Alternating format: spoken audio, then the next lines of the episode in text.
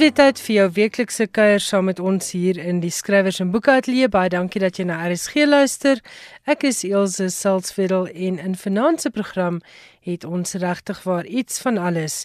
Ek gesels met Elizabeth en Sarel Venter oor 'n baie besonderse briewebundel Elizabeth en die skrywer Elsabie Steenberg was universiteitsvriendinne en Sarah het nou 'n bundel van hierdie briewe te boek gestel.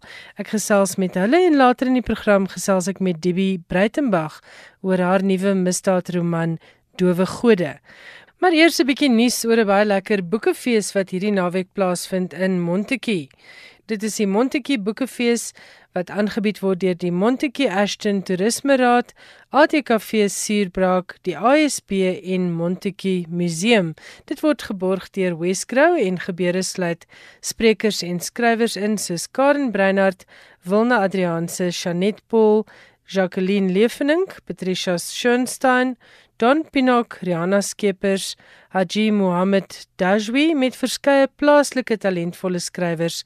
Die program sluit 'n skrywer en digter werkswinkel in wat aangebied word deur Ernie Millet op Saterdagoggend die 28ste Julie.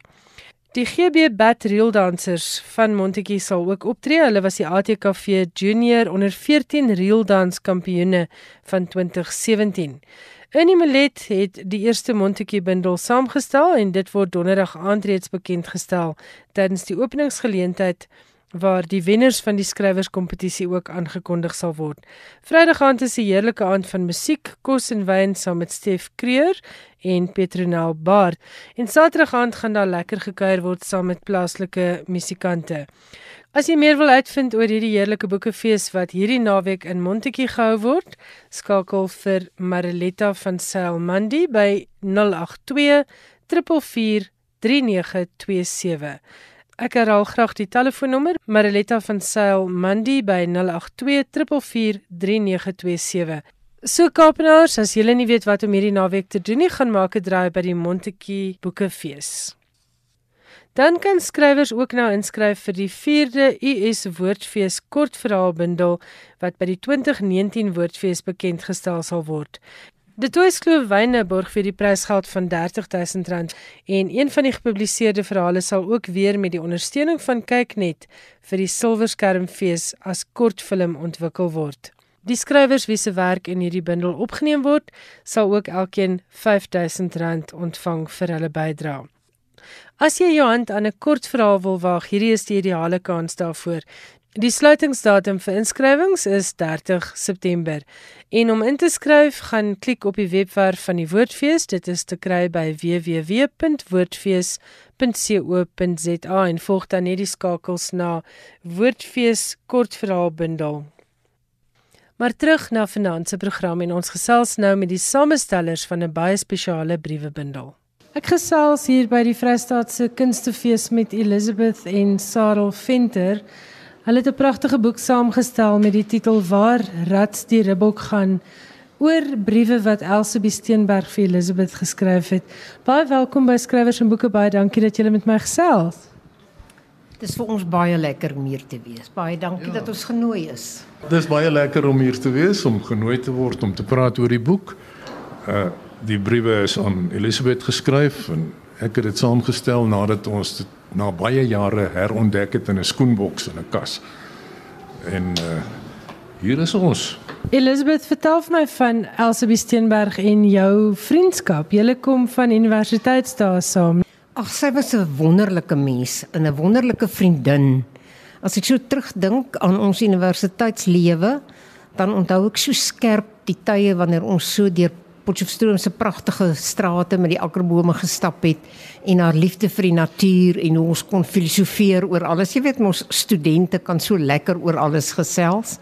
Dit was regtig 'n kosbare vriendskap. Sy's 'n fyn, lieflike ou mensie wat baie baie fyn gevoelig was en 'n baie groot liefde vir die natuur gehad het. Toe ontdek jy nou 'n kartondoos vol briewe. Jy het al die jare, ek sien uit die boek uit redelik gereeld vir mekaar geskryf. Waaroor het julle gekorrespondeer? Wel eintlik uh, hoofsaaklik natuurlik maar oor ons lewe, die werk. Ek het gaan skool hou, sy het ook so bietjie en oor moederskap het sy baie geskryf en oor haar skryfwerk en oor haar siekte, haar positiewe ingesteldheid daaroor was vir my wonderlik om te lees. En ek was so ongelooflik beïndruk. Ek het baie keer vir haar gesê die siekte takel jou liggaam af, maar hy doen niks aan jou gees nie want dit het skerp en helder gebly. Sadel, jy het die bundel saamgestel. Het jy baie materiaal uitgelaat? Hoe het jy te werk gegaan om te besluit wat kom in waar Radstiere Bok gaan? Uh, kyk, ons het sê maar eh, 'n paar storielyne raak gelees in die boek. Elsabie se werk en haar loopbaan as dosent, haar skryfwerk, haar uh, broer Andre P Brink, iets oor hom, haar liefde vir die natuur in die bergwêreld van Clarence en dan haar lang en hartseer stryd met veelvuldige sklerose. Die briewe het 'n deurlopende lyn gevolg oor daardie onderwerpe. Ek het goed weggelaat wat nou nie nodig was vir die storie nie want dit gaan oor ander mense of ander wat hulle saamgeken het. Dit was nou nie nodig vir die boek nie. Ek moet sê ek het nogal geglimlag oor die goed wat sy gesê het oor Andre P Brink. Dit het baie binnepret verskaf. Sy het so half moedeloos geklink met sy kaskanades, maar dit was ook mooi om te sien dat daar later was daar daar was nog steeds so baie opregte liefde vir haar broer en uh ondersteuning, 'n wederwysige ondersteuning. Wil jy vir ons ietsie voorlees uit hierdie briefwisseling met Elsabie Steenberg asseblief Elizabeth? As ek nou moet kies, dan dink ek sal ek so bietjie lees oor haar moederskap. Sy het baie diep emosies beleef en toe sy aankondig dat sy haar derde kind verwag in die briewe, het sy so gejubel. Sy het gesê die blote gedagte is so oorweldigend en verruklik dat ek dit nog nie werklik aanvaar nie. Maar sy het ook 'n miskraam gehad en daarop het sy gesê Ek het baie jare ouer geword. Die groot verdriet het ons getref om die so verlangde kindjie te verloor en daarbey natuurlik die geestelike aftakeling en ek skaam my oor my eie swakheid dat ek so weerloos kan voel teen 'n verdriet wat baie mense tog moet deurmaak. Maar dit sal alles beter word. Dit moet. 'n Mens is gemaak om jou kruis te dra en daardeur sterker te word. Dit weet ek tog reeds dat daar by my diepte bygekom het. Veel meer begrip vir die leed van ook so baie ander. Miskien was dit die doel van alles onder andere. En dan tog die vreemde wete dat daar heel van die begin af iets geskeel het in sê maar my verhouding tot die ou lewetjie. Ek het nooit spontaan aan hom gedink heeldag en aldag soos met die ander twee nie. Asof iets in my geweet het, dis maar net 'n kort tussenspel. Wat my opgeval het dwarsteer die lees van die boek, elke hoofstuk was deurspek van haar positiwiteit, haar geloof, baie diep gelowige mens gewees en uiteindelik haar absolute onverbiddelike hoop dat daar 'n oplossing vir haar siekte gaan kom, dat die volgende behandeling gaan werk. Hoe het julle met die herlees van hierdie briewe weer julle vriendin ervaar? Daar was tye wat 'n mens aangedaan geraak het omdat ons hulle as gesin so geken het en haar agteruitgang so gesien het. As ons saam met hulle gekuier het in Clarence of hulle by ons was in Bloemfontein, kyk sy het haar doktorsgraad hier onder professor Gerard Beukes gedoen. En dit was tragies om te sien hoe sy agteruitgaan elke keer as ons haar weer sien. Maar altyd vriendelik, altyd hoopvol, positief en glo dit gaan beter word. Dit is so dat sy regtig baie positief gebly het en maar altyd gelag het want dit was vir haar verskriklik toe sy eers in 'n rolstoel so gesit het dat sy eh, bitter swaar daar moes kon uitkom en nooit nooit regtig gekla nie. Ek weet haar bene was naderhand stokstyf. Dit was soos twee uisters wat onder aan haar lyf vas was dit was vir haar 'n stryd om ergens om hoegenaamd te beweeg. Maar sy het baie positief gebly tot heel aan die einde. Uh, sy is in 1996 dood op 58 jarige leeftyd. En soos dit in die boek ook gegee is oor haar haar lewensbeskouing oor die gog, soos sy haar siekte genoem het. Daaroor het sy geskryf: Met genoegsame genade sal ek jou nie toelaat om die kern van dit wat ek is aan te tas nie. Eerder sal jy my sterker maak, 'n verbeter vegter, 'n dankbare mens, maar onderkry, o nee, onderkry sal jy my nie. So dit dit vat uh, in 'n paar woorde saam haar positiwiteit. en altyd het sy geglo daar kom beterskap tot naby die einde het sy geskryf die genade is so groot al hang dit party daar ook maar soos 'n ou vrokkie vol gate om 'n mens maar hy hang sy het pragtig geskryf en as skrywer dit was my ook baie interessant Julle het dit ook in die boek goed vasgepen. 'n Mens kon 'n bietjie saam met haar op haar ontwikkelingspad as 'n skrywer ook stap. Van daai eerste publikasie, die onsekerheid en ek het eintlik nooit besef hoe produktiewe skrywer sy was, hoe baie sy geskryf het nie. En dit was vir my 'n verrassing om dit in julle boek raak te lees. Sy was gedurig besig met iets, né? Een of ander projek of 'n studie rigting MA en later 'n doktorsgraad in die letterkunde. Hoe het julle Elsabie as skrywer ervaar? Ons het gereeld van haar boeke gekry wat sy sommer aangestuur het. Ons het nog miskien 3 boeke by die huis, maar ons het groot dogters wat dit toe gekry het en hulle het ook weer dogters en dit is nog vir hulle almal baie kosbaar. Ek het waar moontlik het ek oor die boeke iets ingevoeg en 'n bietjie agtergrond gegee. Ek wil vreeslik graag iets oor haar skryfwerk sê. Ek ervaar en ek weet dit was so dat uit haar kinder- en jeugboeke blyk haar begrip van die behoefte by kinders om avontuur te beleef. Sy was woedend as kinderboeke geskryf word wat so didakties is. Sy het dan geslaag om buite die gewone en die alledaagse te beweeg en om kinders te help om in 'n verbeeldingswêreld of 'n fantasiewêreld te kan ontsnap. Uh, sy het die natuur stralend beleef en met verwondering. Ek onthou hoe een keer hoe dat sy liries oor 'n tamarisk kon raak. Sy het dit 'n dansende feetjieboom genoem. En oor die lente en bloeisels en blare wat bot het sy geskryf die groen beur deur die takke. En dan die kostelike kan sy tog ook genoem het. Sy skryf terwyl sy nou besig is om te werk. Kry nou enige soort inspirasie met twee kleintjies wat geen respek vir jou gevoelens het nie. Op die kritieke oomblik as die tikmasjien reg staan, "Ma, ek wil 'n draaitjie maak." Of Ilse gooi haar koffie uit of val buite in die voor van die leer af of die bure se dogtertjie so wille tipetjie kom pes my met tannie my ma sê ek mag by Adie kom speel tannie kan ek tik. Hoekom tik tannie? Hoekom sklyf tannie nie? Wat maak Ilse? En as ek nou desperaat sê gaan speel nou buite dan kyk sy my met haar wye bruin oogies net so ferm terug en konstateer nee tannie ons speel hier binne. Ja, dit was opvallend. Na in die boek kon mens agterkom sy was regtig lief vir kinders. En sy het verskriklik gehou van ma wees. Al was dit later in haar rolstoel dink ek vir haar nie altyd maklik om by te hou met hulle nie.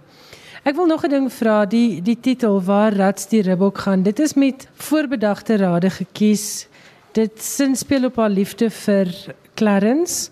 Maar hoekom presies het jy dit vir die titel van die boek gekies, Sarah?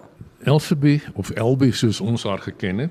Hulle het die huisie in in Clarence gehad en gereeld daar gekom en in daai bergwêreld dit was 'n ander wêreld vir haar.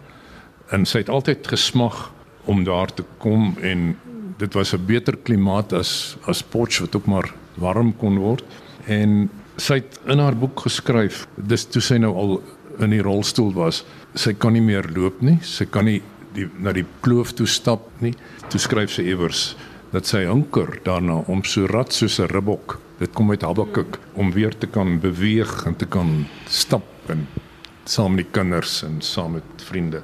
En dit ek gedink dit moet 'n goeie titel wees vir die boek waar rad die ribbok gaan soos dit in Habakuk staan. Kom ons praat oor haar moederskap. Hoeveel kinders het hulle gehad uiteindelik? En Elizabeth lees vir ons ietsie oor of sê vir ons iets oor Elsabie die ma. Sy het op 'n punt geskryf, dis die een soort ding waarvan jy nooit weer loskom nie. Een van die min dinge waarby waarby jy nooit kan skryf en dit bedoel. Dit verander wel gedurig. Eintlik is dit seker maar waar dat jy jou seun vir 'n ander vrou grootmaak, soos een ontgoogelde tannie dit gestel het. Maar dit bly tog en op 'n wonderlike manier maak ma wees jou meer volledig mens as enigiets anders op aarde sou dit wees omdat 'n kind 'n mens uiteindelik en onvoorwaardelik uit jouself uitdwing jou die waarheid en grootheid van liefde leer ken op 'n ander manier weer as jou man En hoe interessant, maar tog ook benouend is 'n kind se grootword en ontplooiing. Die trekke van jouself wat jy met skrik herken en soveel wat so absoluut uniek in hom saamgevoeg is om hom enig te maak. Die gedurende gevoel van onbevoegdheid ook dat jy soveel foute begaan, so feilbaar is en dan ook weer so uitverkore om desnieteenstaande die taak te mag opneem. Baie dankie. Sarah, 'n laaste woord van jou af. Jy het vir my gesê jy is al um, aan die verkeerde kant van 80. Hoe het dit toe nog gebeur dat jy skrywer word en hoe het jy die proses van boek skryf, boek maak, hoe het jy dit ervaar? Ek was 36 jaar lank 'n joernalis by die Volksblad en ek het baie geskryf. Jare lank eh, hoofartikels en ander tipe artikels en skryf was my lewe gewees. Ek het eers belangstel om 'n predikant te word en in daai rigting gestudeer in Potch, maar toe besluit nee, dis nie vir my nie. Toe gaan werk ek in die in die departement justisie en toe dink ek dan kan ek, ek dan kan ek 'n aanklaer word in 'n landros. Maar toe sien ek op 'n dag 'n advertensie dat die Volksblad joernaliste soek en toe het ek daar pos gekry en kom werk. Uh so ek kan tik. en ek het my herinneringe geskryf, nou nie vir publikasie nie, sommer net 'n paar boeke gemaak vir kinders. Toe het ek 'n ander koffietafelboek gemaak oor 'n kultuurvereniging hier in Bloemfontein, die Afrikaner Klub, en dit is nou 'n jaar gelede wat ek gedink het ek moet hierdie boek deel, hierdie briewe deel met mense, veral met haar kinders. Ek het by haar kinders toestemming gekry skriftelik om dit te plaas en Naledi het Marite gesien in die boek en hulle het aansoek gedoen by die Akademie vir Wetenskap en Kuns en die die boek geborg. Dit is net wonderlik dat dit gebeur het. En toe Nallen die boek bekend gestel juist saam met 'n huldiging van Elsabeth toe sy 80 sou word. Nou ja, as 'n mens so deur die uh, boek kyk en wat ons nou hier genoem het, baie dinge klink bietjie morbid en dit gaan oor die siekte en die stryd, maar Daar's baie humor. Dalk het jy dit raak gelees. Dit so sy was. Sy kon altyd 'n ou grappie maak oor haar toestand. Sy het byvoorbeeld vertel een van die rate wat wat eh, 'n uh, dokter aanbeveel het sy moet haar mangels moet uitgehaal word want dit vergiftig haar. Dit maak haar siek. En toe werk dit nie. Daar's nie uh, uh, wetenskap nie. Toe sê haar ma vir haar: "Ag, dis nou baie jammer, maar nou is jou mangels daarom uit." En sy het nog vertel hoe sy vel boontoe beklei. Moet ek nou hoe oud word om na die hel net martel en nie dood nie? En tog steeds weer 'n duidelike ervaring van genade en 'n spesiale engel wat betug en dat lag. Haar laaste brief, mooi saam en vol foute getik, sluit sy so af. Dit word donker, maar tog moet daar baie hulp wees wat gebid word of iets wat dit moontlik maak om aan te hou en steeds te glo dat alles goed sal word. Julle moet mooi bly. Ag kom kuier tog geslag. Maar op 14 Mei 1996 het alles wel vir Elsie Steenberg goed geword. Ek het gesels met Elizabeth en Sarel Venter waar Rats die Ribbok gaan word uitgegee deur Naledi. En onthou jy kan ook op Naledi se webwerf gaan loer en direk van hulle af bestel as jy sukkel om die boek in jou plaaslike boekwinkel in die hande te kry. Jy luister na skrywers en boeke op RSG. As jy aan 'n boekklub of leeskring behoort, laat weet gerus hoe doen julle dinge in julle eie plaaslike boekklub of leeskring. Ek het verlede week lekker saamgekuier daar by 'n boekklub in Alberton en ek was verras om te hoor dat die vroue daar dit al byna 2 dekades aan die gang hou. Die formaat is al aangepas om tred te hou met al die veranderende behoeftes en tye die gejaagde pas waarteen ons leef. Maar eenmal 'n maand word daar lekker gekuier om 'n goeie boek. En my e-posadres is skrywersenboeke@rsg.co.za. Skrywers en boeke. Alles wat jy oor die boekewêreld wil weet en meer. Ek gesels vanaand met Dibie Breitenberg. Haar vierde roman, Dowe Gode, het pas by Lapa verskyn. Dibie, baie welkom by Skrywers en Boeke. Dankie dat jy met ons gesels. Baie dankie vir die geleentheid, Ilse. Ek waardeer dit verskriklik. Jy weet ek is 'n groot aanhanger van jou werk, spesifiek ook omdat jy dit uit 'n ander hoek belig vir lesers en luisteraars wat nie weet nie. Dibie skryf misdaadfiksie. Jouself is 'n regsgeleerde. So ons skryf vir 'n slag as lesers en aanhangers van misdaadfiksie 'n ander blik op misdaad en hoe dit die slagoffers raak. Hierdie vierde boek van jou is regtig uitstekend. Ek wil jou gelukwens met Dowe Gode. Baie dankie Ilse, ek waardeer dit. Vertel vir ons 'n bietjie van die agtergrond. Som vir die luisteraars die storie op sonder om nou die punchline soos die Engelse sê weg te gee. Want die storie gaan oor 'n vroulike ondersoekbeampte, kaptein in die polisie, Ayla O'Malley, wat ernstige geweldsmisdrywe doen, noem hulle deesdae speurder is in 'n klein dorpie in Natal met dorpie se naam is Upate. Nou Upate is 'n dorpie met 'n geskiedenis uh, wat gekoppel word aan verraad en en uh, daar's ook 'n verwysing in die omgangstaal van die dorpie wat sê pas op vir die pad na Upate wat 'n geskiedkundige verwysing is vir na 'n doodsdreigement, maar in elk geval Eila word uitgeroep na die toneel van 'n plaasaanval, 'n plaasmoord. En die plaasmoord is so bietjie anders. Nou, ek wil nie eers die term standaard plaasmoord gebruik nie, want dit dit op sigself is 'n kontradiktio in terminies. Dit is nie twee woorde wat hoegenaamd eers saam gebruik moet word nie. Daar is niks standaard aan 'n plaasmoord nie. Die lesers moet dit net goed verstaan. Maar wat hierdie plaasmoord plaasaanval anders maak is die feit dat dit gepleeg word met militêre vuurwapens. Dit is meer 'n militêre aanval as wat dit 'n rooftog is. En Ayla word getaak om hierdie plaasmoordenaars op te spoor. Nou daar's 'n hele klomp leidrade wat hier bymekaar wil uitkom mee in. Daar's 'n hele klomp intriges in die storie.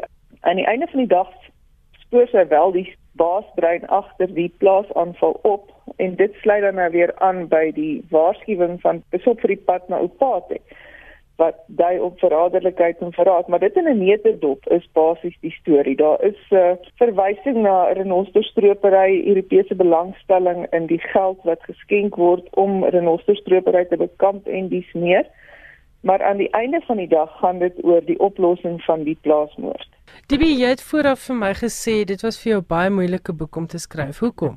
Dit was 'n verskriklike moeilike boek om te skryf. In die eerste plek moet ek sê die hele idee van van plattelandse terreur, nie net op die plaas nie, maar ook in die townships, is een wat my baie naby aan die hart lê omdat ek self in die platteland bly en omdat ek op 'n daaglikse basis met die tipe goed te doen kry in my beroep. Maar ook omdat ek al in my beroep 'n hele paar keer in praktyk fisies met mense gewerk het wat deur hierdie verskriklike aanvalle is.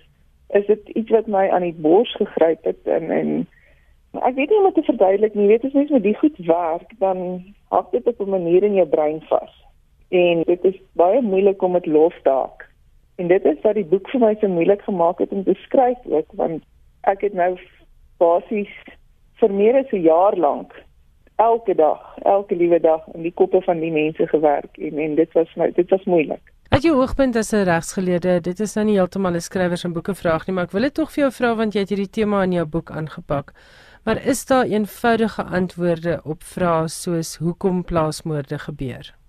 Ek dink nie daar's ooit eenvoudige antwoorde op op enige iets wat met misdaad te doen het nie. Jy weet, misdaad het sy dit 'n plaasaanval is, het sy dit 'n uh, winkeldiefstal is, dit maak nie saak wat dit is nie.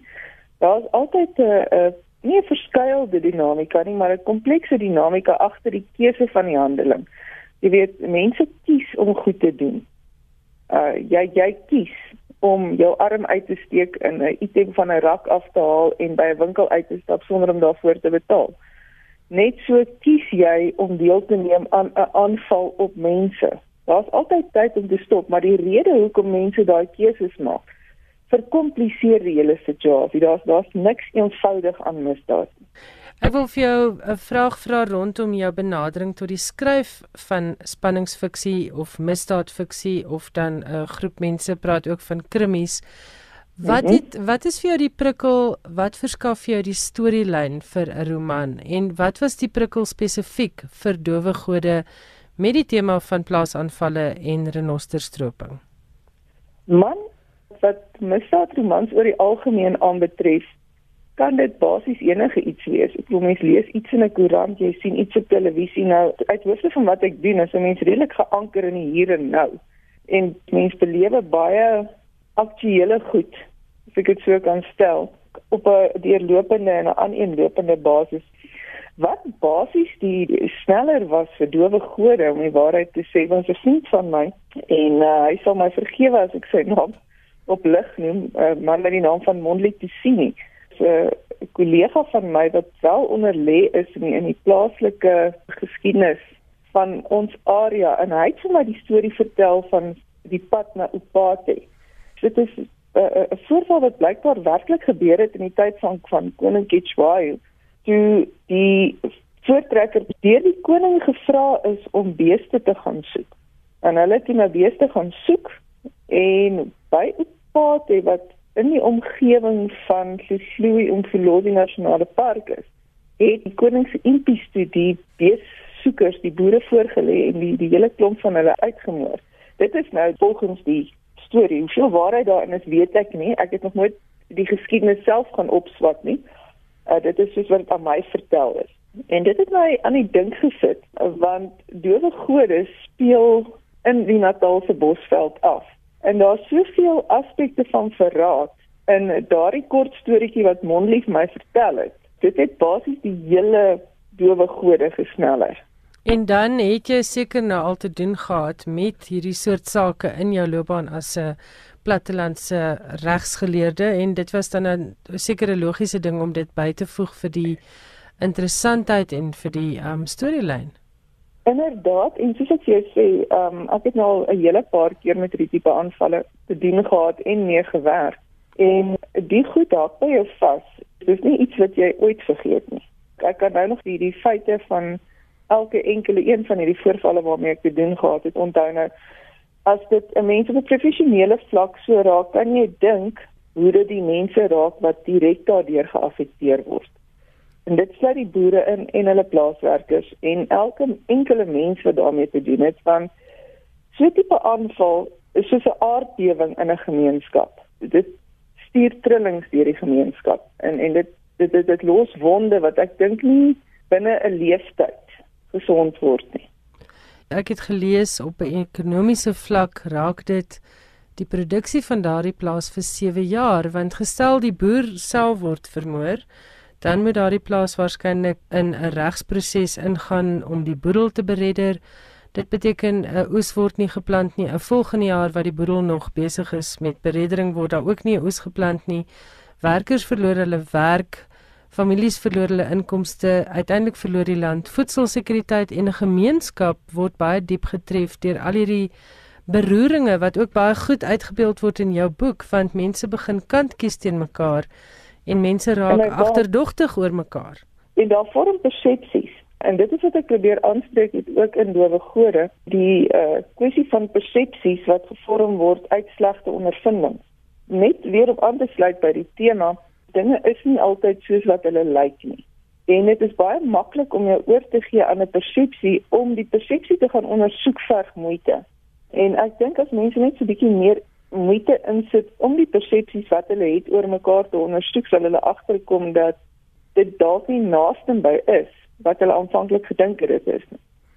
Ja, en ek dink 'n uh, ding wat vir my baie mooi uitgekom het in Dowe Gode is slegte mense lyk nie altyd boos nie. Dit was vir my 'n interessante en 'n baie skokkende um, gevolgtrekking. Ek moet vir jou sê, dit gebeur baie min dat 'n boeke mens so diep raak dat jy uiteindelik baie kwaad is vir die boosdoener. En ek was met dowe gode nogal regtig kwaad toe ek uitvind wie agter die plaasmoorde gesit het. Die hierdie was ook 'n baie lekker polisie prosedure roman.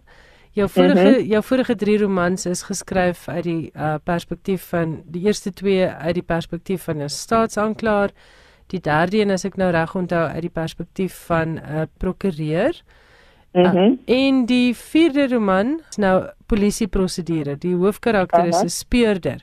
Hoe het ja. jy al hierdie detail nagevors en so lekker soemloos vervleg in 'n storie? Nee, ek waardeer die kompliment dat dit soemloos vervleg is. Baie dankie. Ek werk baie nou saam met die polisie al vir die afgelope 2 dekades. So ek is redelik vertroud met die proses, die prosedure. Nou uit die aard van die saak is ek nie 'n ondersoekbeampte nie. Ek ondersoek nie sake nie, maar ek het 'n paar manne gehad wat my bygestaan het. 'n Paar polisie manne wat my bygestaan het met lastige navrae en ehm um, 'n paar baie ervare ondersoekbeampte self en dit het my geweldig baie gehelp wat die wat die ondersoek aspekte van die van die storie aangegaan het. Die besef ken ek self baie goed. Uh ek wil by jou weet daar's 'n uh, 'n lijkskouing ook in hierdie boek. Mm. Jy het dit so goed beskryf. Ek aanvaar jy was daar want jy het my as dit ware in daai lijkhuis ingeneem. Het jy bygestaan tydens so 'n autopsie of het jy net baie baie goeie navorsing gedoen en met 'n baie betroubare bron gepraat wat jou gehelp het om dit so goed te skets? Ek het 'n geweldige goeie bron gehad wat my gehelp het onder andere. Die lijkskouingspanele is nagegaan deur 'n persoon wat dit fisies doen en ek het dit probeer om so getrou en sensitief as moontlik weer te gee. Ek dra baie goeie kennis wat veronderstel is om in 'n lijkskouing te gebeur, maar vir dowe gode het ek nie self lijkskouings van bywoon nie. nie. Maar ek wil vir jou baie geluk sê met Dowe Gode. Dit is regtig waar 'n roman wat ek dink, veral in hierdie tye waar in plaasmoorde voorbladnuus is amper daagliks, dink ek moet alle Afrikaanse lesers hierdie roman lees. En sommer ook net omdat jy baie lekker skryf, baie goeie misdaad uh fiksie skryf wat vir baie van ons nou al ontspanningsleestof geword het wat seker iets sê oor ons as Suid-Afrikaners se uh, saamleef met geweld en misdaad, né? Nee? Inderdaad, inderdaad. Um, baie dankie. Ek waardeer dit verskriklik. Ek het gesels met Dibi Breitenberg oor haar roman Dowe Gode. Dit word uitgegee deur Lapa en onthou as jy ver van 'n boekwinkel woon, jy kan ook direk deur Lapa se webwerf boeke bestel. Gaan loer gerus by www.lapa.co.za. As jy nou eers ingeskakel het, jy luister na skrywers en boeke. Ek is Elsje Salzveld. En vanaand wil ek ook by die luisteraars weet, hoe werk julle leeskringe of boekklubs? Het julle nog tyd om aan hierdie dinge te behoort? Is daar 'n werkswyse wat jy kan aanbeveel? Ek het verlede week gesels by 'n boekklub en ek was gefassineerd om te hoor dat hulle al 18 jaar bestaan, maar dat loopbane en dinge ook 'n uitwerking gehad het op hoe hulle die boekklub bedryf. So laat weet vir my by skrywers en boeke by rsg.co.za. Dis nou tyd vir Johan Meiburg se internasionale bydrae en vanaand gesels Johan met ons oor 'n Britse toekenning vir misdaadfiksie 'n opgrawing van 'n oeroue teks en die goeie nuus wat Britse uitgewers onlangs gekry het. Die Britse skrywer Steph Sherris het pas die 2018 Thekson Old Peculiar Prys vir misdaadfiksie gewen met sy roman The Intrusions. Die wenner van die Thekson's Old Peculiar misdaadroman van die jaarprys word jaarliks op die Harrogate fees van misdaadfiksie aangekondig En die prys word gereken as Brittanje se vernaamste prys in die genre. Die prys word geborg deur die brouers van Theakston's Old Peculiar in Noord-Yorkshire in Engeland. Benewens 'n kontantprys sluit die prys ook 'n handgekerfde biervat van eikehout in. Dis nie slaband misdaadromans wat in aanmerking kom vir die prys. En die publiek se stem dra saam met die van 'n beoordelaarspaneel van 4 1/5 gewig in die bepaling van die wenner. Die 48-jarige Sherry se wenroman is beskryf as briljant en 'n organiese vermenging van vrees en spanning soos dit in die geskiedenis gestalte kry en hedendaagse kwessies. The Intrusions is die verhaal van die speurders Jack Kerrigan en Geneva Miller wat 'n ontvoeringssaak moet ondersoek. 'n Jong vrou daag by 'n polisiestasie in die weste van Londen op en dring aan dat die ontvoering van haar vriendin in 'n hostel in Bayswater ondersoek moet word. Die speurder snap weldra dat afstandbeheerde tegnologie ingespan is om toegang te kry tot die vroue se skootrekenaars en hulle lewens.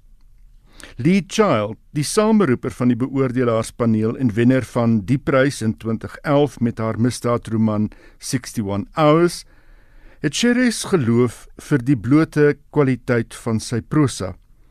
Dis 'n roman het sy gesê wat op 'n sterk kortlys uitgestaan het. Hy het die genre verruim met die roman en dis inderdaad 'n gelukkige dag vir misdaadfiksie.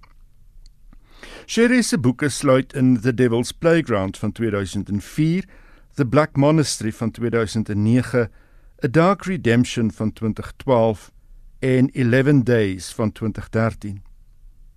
By dieselfde geleentheid op die Harrogate Fees vir Misdaadfiksie is John Grisham vereer vir sy uitmuntende bydrae tot die genre. Grisham met 'n skrywersloopbaan van byna 30 jaar en verkope van 300 miljoen boeke wêreldwyd, is beskryf as ongetwyfeld 'n reus in die genre.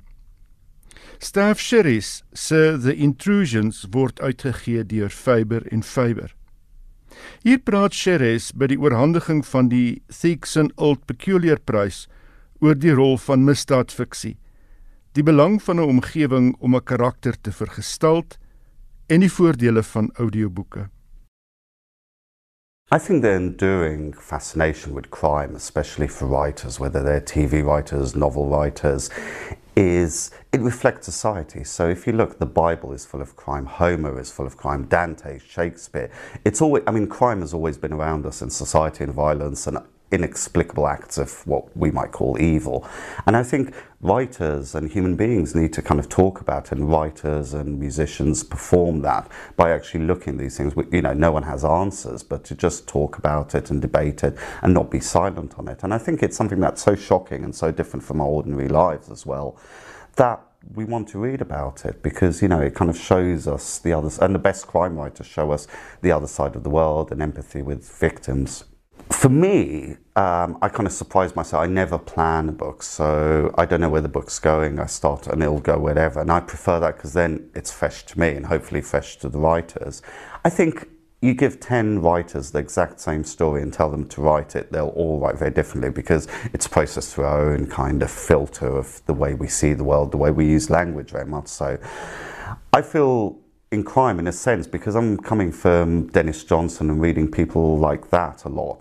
So I have a kind of different sensibility and stuff, and yeah, I love crime too. So for me, it's kind of interesting to see if I can do both at once. And hopefully, the readers are going to enjoy that. You know, I don't think I'm doing anything new or anything, but hopefully, it's just, it's like jazz. You have endless variations on the same theme, but that's what creates the complexity and beauty of it. Setting and landscape are the most important things. They're normally the genesis of the novel. I think about where I want to write about, and then that tells me more about what I can write about. So my first book was set in Amsterdam. My second's in the Greek islands. A Dark Redemption has a lot in Uganda. The fourth book, Eleven Days, deals with Peru. Setting is so important to me because, as you said so well, it defines the characters, but also I like to deal with history, and setting gives you all this kind of rich texture of history. So, a book in Uganda is going to be necessarily different than a book set in Kenya or something, even two countries that are similar. And it creates mood and atmosphere, which is so important to the crime novel. You know, if you have a creepy setting or weird setting. And I'm also interested in what happens when primarily British people go abroad and get into trouble to kind of tourist noir. Because at home, when you get into trouble, you know about the police, you know about the law, you know how the law works. Abroad, you have none of those support structures. You can't call your parents, you can't call a lawyer, you don't know how it works. And as a writer, that's a far more interesting place to put a character in. I'm obsessed actually by spoken word, especially poetry, and I've been collecting it for years. I've got hundreds of spoken word recordings, mainly obviously by the authors in their own voice, and a lot of poetry which I found really hard to read. For instance, Pounds, the cantos. Once I heard him read it and got the cadence and the rhythm, I found it much easier to read. I still didn't understand most of it, but at least I could get through it. So I do love that. And again, with my favourite authors like Dennis Johnson, Cormac McCarthy, people who are very style, stylized. I love to hear the audiobooks because I like to hear the sound of the sentences and the internal rhymes and the rhythms. And that's something that, you know, I very much do my own stuff. I love reading, doing readings and that because it helps you understand the kind of the way you write, I think, when you hear it as opposed to see it. It's a very different thing, the kind of audio versus the visual. And I think they complement each other beautifully. Dit was die stem van Stav Sheres, skrywer van The Intrusions. Johan het ook vir ons nuus oor die onlangse opgrawing van 'n historiese teks deur Homeros. Argeoloë het in die antieke stad Olympia in die suide van Griekeland afgekom op 'n klei tablet met 13 versreëls uit Homeros se Odyssee. Aanduidings is dat dit die eerste geskrewe rekord kan wees van Homeros se epiese gedig. Die uittreksel kom uit die 14de boek, die gedeelte waar Odysseus sy terugkeer na Ithaka beskryf. Die fonds is die resultaat van 3 jaar se opgrawings deur die Griekse Argeologiese Dienste in samewerking met die Duitse Argeologie Instituut. Die presiese oorsprong van Homeros se werk, wat ook die Ilias insluit, word steeds nagevors. Homeros se werk het in 'n mondelinge tradisie in die 8ste eeu voor ons jaartelling tot stand gekom en dit is waarskynlik tussen die 8ste en die 6ste eeu neergeskryf. Die invloed wat Homeros se epiese werk op die westerse leefwêreld gehad het en steeds het, is onbeskryflik groot. En sy invloed slaan steeds deur in die letterkunde, in musiek, in kuns en in rolprente. Fragmente uit Homeros se Ilias het in 2014 in Afrikaans verskyn, vertaal deur Kasvos uit die Griekse bronteks. Die boek Fragmente uit die Ilias is uitgegee deur Protea. En dan die goeie nuus vir die Britse uitgewersbedryf wat ongelukkig nie noodwendig goeie nuus vir skrywers beteken nie. Oor na Johan Meiburg. Britse uitgewers het 'n rekordjaar agter die rug met boekverkope wat in die land die 5,7 miljard pond kerf verbygesteek het. Saam met die aankondiging het skrywers 'n hernuide beroep gedoen op uitgewers vir 'n groter sny van die inkomste koek. The Guardian berig boekverkope het volgens die uitgewersvereniging verlede jaar met 5% toegeneem. Daarinteen het 'n onlangse peiling onder skrywers aangedui dat inkomste van skrywers in die laaste 10 jaar met 42% afgeneem het. Tracy Chevalier, skrywer van die topverkoper Girl with a Pearl Earring, het byvoorbeeld gesê skrywers se inkomste kwyn terwyl uitgewers gedei.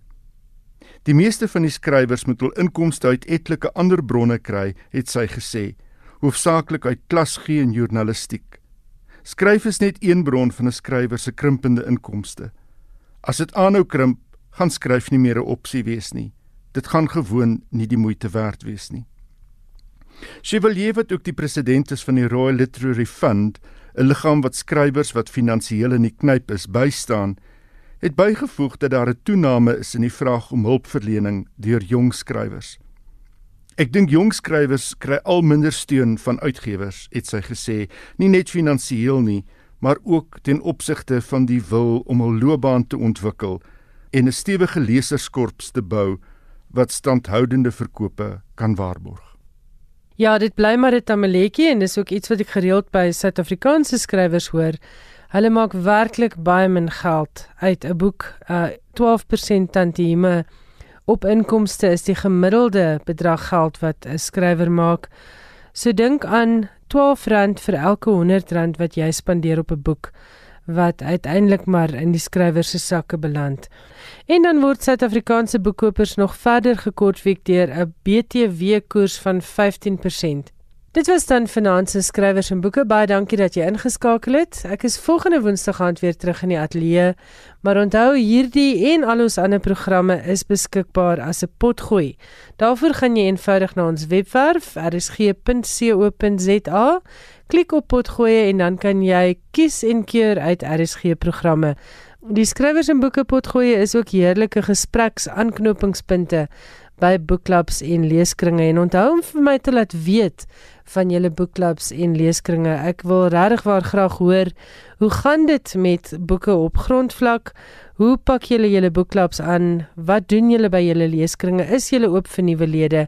So laat weet vir my by skrywers en boeke by rsg.co.za en wie weet, dalk gesels ons met jou op die lig oor jou leeskring of boekklub. daarmee groet ek Elsje Salzveld. Lekker luister na die res van vanaand se programme en ek hoop jy het 'n hele stapel lekker boeke vir jou bed. Totsiens.